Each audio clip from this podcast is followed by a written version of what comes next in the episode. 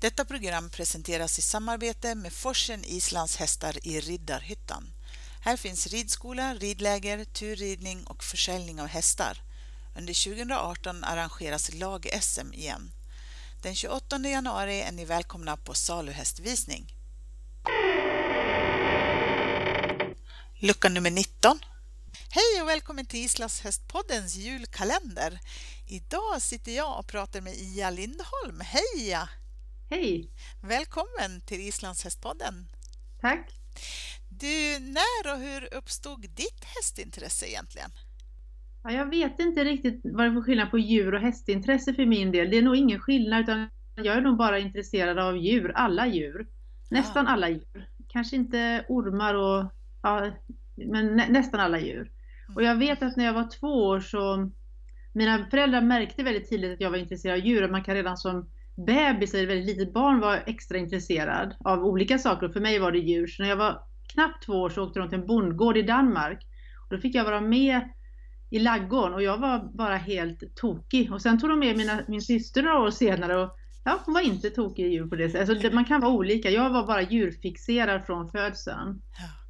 Och när började du med hästar då? Jag försöker tänka på det. Jag tycker det är lite svårt att veta för hästarna ingår ju i djuren så att de var liksom med. Men jag kan väl säga från sex år så blev det mer och mer hästar och mer intresserad för just det här med att rida. För att när jag var mindre då var det bara djur. Jag tror häst var samma som ko och gris och hund och så. Men kanske från sex år ungefär. Ja, just det. Men eh, bodde du så du hade tillgång till häst eller eh, bodde nej, nej, nej. Eh, min pappa var väldigt allergisk så att eh, egentligen fick inte jag ha några djur hemma alls. Vi bodde i ett villaområde. Men i alla fall så hade jag till slut eh, först marsvin och så blev det marsvinsuppfödning så det var upp till 20 stycken och sen kaniner och det var upp till 70 stycken och de bodde ute. Jag hade en egen stuga för marsvinen och så uteburar som pappa fick till att bygga till kaninerna. Och sen hade jag underlag på mitt rum och sen hade jag akvarium, det var inte så allergiskt. Och sen fick jag till slut hund så det enda som inte gick det var katt, men pappa var allergisk, men han bodde på övervåningen och så fick jag dammsuga noga. Så att eh, det var mycket olika djur i alla fall. Och, men häst hade vi ju ingen hemma. Men så började jag rida när jag var sex år på Klarabergs ridskola. Och det är den ridskolan som ordnar Gothenburg Horse Show-tävlingarna. Och det började 1977 och där var jag 11 år, men jag har ridit några år tidigare.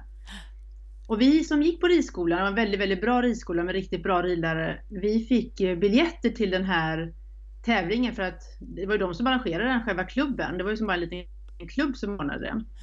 Och fick, jag fick två biljetter och då skulle jag sluta rida för då skulle jag börja åttan och jag hade ju då kaninuppfödning och marsvinsuppfödning och all, ja, fågeln och häst, hund, äh, hunden och allting. Så pappa tyckte och jag också, jag hann inte med att rida en gång i veckan. Men så när jag satt där och tittade på skandinaviehoppningar så började min pappa gå på toaletten. Och när han kom tillbaka så hade han fått en broschyr av Ann-Marie Östby om islandshästar och han, han sa det här vore ju någonting, vi måste åka dit. Och så åkte vi dit och det var i april.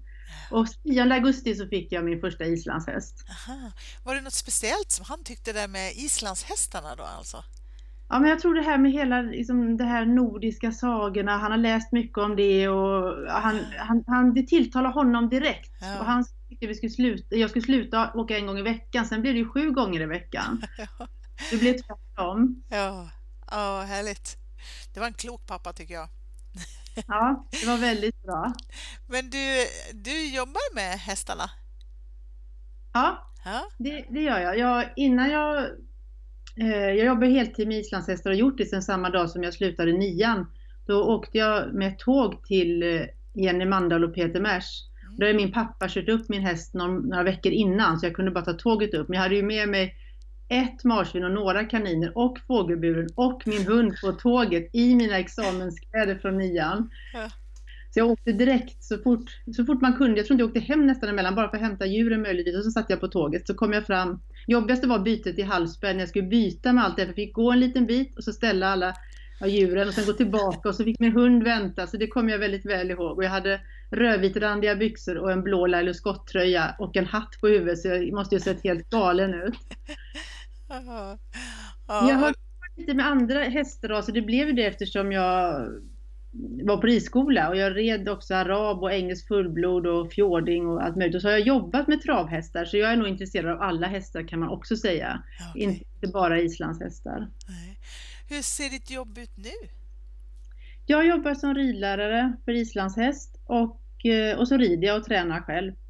Mm. Och i jobbet som ridlärare ingår även att utbilda de som vill bli ridlärare för islandshäst. Och jag har hållit den, den utbildningen sedan den började 1994.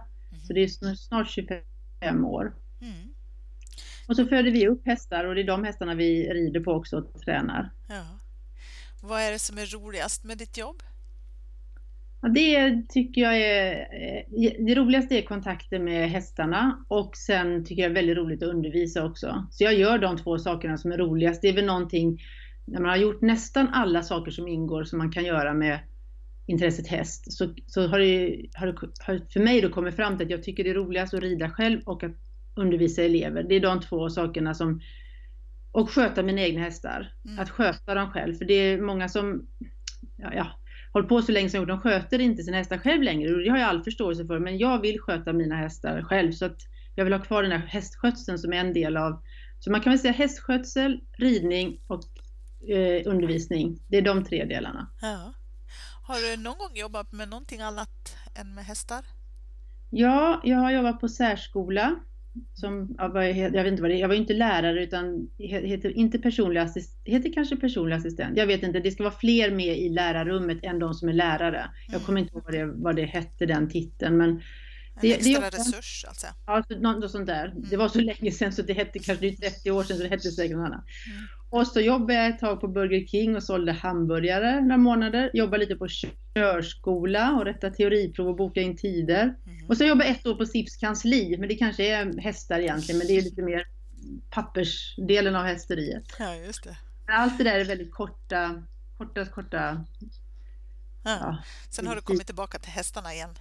Ja, jag hade hästarna då också, jobbat med ja. hästar tidigt. Jag har aldrig, aldrig inte jobbat med hästar sedan jag slutade skolan den där dagen jag slutade nian. Men du, om det inte hade varit hästar då, vad hade du gjort då? Hade det varit någon annan, något annat djurslag som du hade? Ja, då hade jag jobbat med djur och så hade jag jobbat med hundar och idag tror jag jobbat som med vårdhundar till exempel. Det fanns ju inte då, men det tycker jag verkar väldigt eh, spännande. Så eh, djur och eh, hundar i första hand. Mm. Kan du inte berätta om en häst som har betytt mycket för dig? Du har säkert många, men har du någon speciell som du skulle vilja berätta om? Ja, det är ju, det blir så, det är ju Freja. Ja. Som är mamma till Diva. Ja. Och är bara min häst. Ja. Och det var det att jag valde henne och hon valde mig. Men det är så lång historia så det får vara en egen poddavsnitt. Men den hästen har betytt allt. Ja. Och jag har aldrig varit med om en sån häst. Och det är lite orättvist för alla avkom jag har efter henne och barn och barnbarn att fast de är helt fantastiska, så de verkligen är, så är det inte Freja ändå. Nej. Men, eh, men som sagt, det var en lång historia med henne. Men det, det, det var helt, jag vet sista året jag hade den, så att bara cykla runt med henne bredvid, det var nästan roligare att rida, eller det var roligare att rida de andra hästarna. Så det, det var, och sen är också, vi kan ju också på något sätt inte, inte leva på henne, men jo, det, vi hade inte haft den här gården om inte jag hade råkat på henne och hon kunde ju lika gärna varit en vallack, så det är ju det som är så helt otroligt. Ja. Men det är en väldigt speciell historia hur jag, när jag träffade henne första gången och det tog tre år innan hon blev min. Okay. Så det, det var från Miriam och Fabienne Eriksson som jag till slut fick köpa henne. Men jag träffade henne första gången sista dagarna i augusti 87 och jag fick köpa henne 91 och det är ju inte tre år, det har jag själv, det är fyra år. jag sa ju fel. Ja, ja häftigt. Ja, och att hon var så bra också, alltså både på alla sätt. Det, är helt, det går nästan inte, det går inte att förstå att det kan finnas så mycket i en enda häst. Ja, vad häftigt. Ja. ja. Du har ju redan uppnått så himla mycket inom den här världen. Vad, vad har du för drömmar kvar? Vad är det som, som eh, du skulle vilja bidra med i framtiden? Och vad är det som driver dig i den här islandshästvärlden? Ja, det är nog, ja, först tror jag det är kärleken till hästen. Att få att vara med hästarna och när man ja, går ut i hagen och går ut i flockarna. Jag tycker mest om det att gå ut i flockarna utomhus. Det kan jag känna på morgonen när jag vaknar så kanske man känner sig sådär, mår inte sådär jättebra. Så går man ut i stallet, ja men ja, det är kanske lite bättre. Men så kommer jag ut till hästflockarna, då, då blir liksom allt det andra, jag har aldrig någon mobil eller något med mig när jag håller på med hästarna, då, bara liksom, då är man som i en annan värld. Så att det driver mig vidare. Att jag, kan jag kan inte överhuvudtaget tänka mig ett liv utan hästar och absolut inte utan djur. Det finns inte, jag vet inte vad det finns kvar av mig då. Nej.